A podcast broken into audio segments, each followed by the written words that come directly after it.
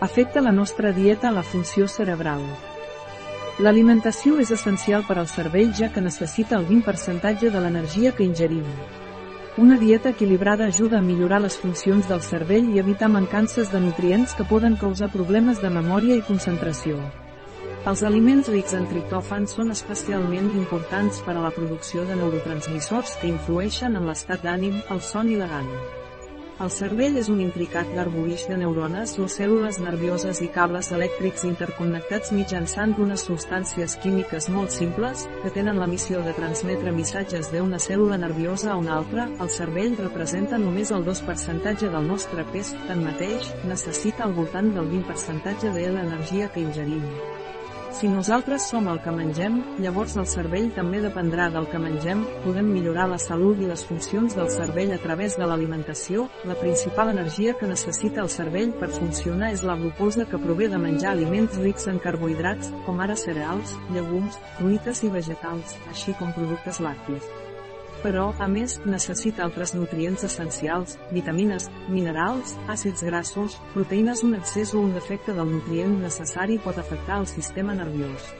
Una alimentació desequilibrada pot produir mancances específiques d'alguns dels nutrients, que es manifesten mitjançant símptomes o sensacions com apatia, desgana, irritabilitat, nerviosisme, cansament, manca d'atenció, problemes de memòria, de concentració i fins i tot depressió. La DIET afecta la funció CRBRL, sabem que la nutrició és important, però encara ho és més per a la funció cerebral, el cervell, com qualsevol part del cos, necessita alimentar-se. En funció dels nutrients que rebi, l'activitat cerebral serà diferent, la composició de cada àpat té un efecte directe en la producció dels senyals químics del cervell. Aquestes substàncies, responsables de la transmissió d'informació al llarg del sistema nerviós, són els anomenats neurotransmissors, i es poden modular en part per a l'alimentació. Per aquest mitjà podríem influir sobre l'humor i el comportament, ajudar a alleujar la depressió, l'ansietat, la neurosi i els trastorns del son, cadascun dels neurotransmissors existents en ions 50 de diferents té una missió específica.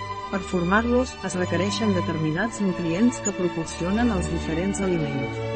Per exemple, els lactis, formatges, llet, peixos, carns, llegums, fruits secs i fruites, plàtan, pinya, albocat, aporten una substància anomenada triptòfan, imprescindible per sintetitzar un neurotransmissor anomenat serotonina, que està relacionada amb les emocions, la depressió, el control de la temperatura, de la gana i del son.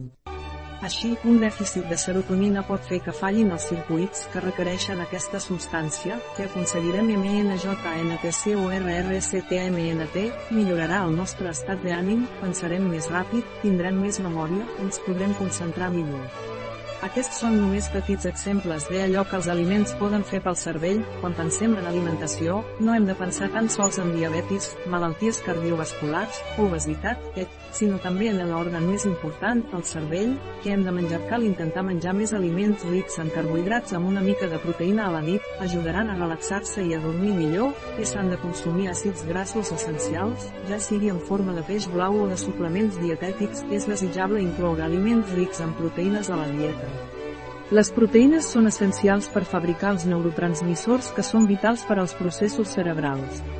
S'ha d'intentar que el dinar del migdia sigui més ric en proteïnes, per optimitzar la ment i mantenir-se més despert a la tarda, cal menjar aliments rics en vitamines i minerals, tenen la clau perquè moltes reaccions es puguin dur a terme, beure 1,5 o 2 litres d'aigua cada dia ajuda a mantenir el cervell ben hidratat per oxigenar el cervell, són convenients l'exercici i els àpats lleugers i freqüents consells la principal energia que necessita el cervell per funcionar és la glucosa, que prové de menjar aliments rics en carbohidrats, per mitjà de l'alimentació, podríem millorar l'humor i el comportament, ajudant a alleujar la depressió, l'ansietat, la neurosi i els trastorns del son.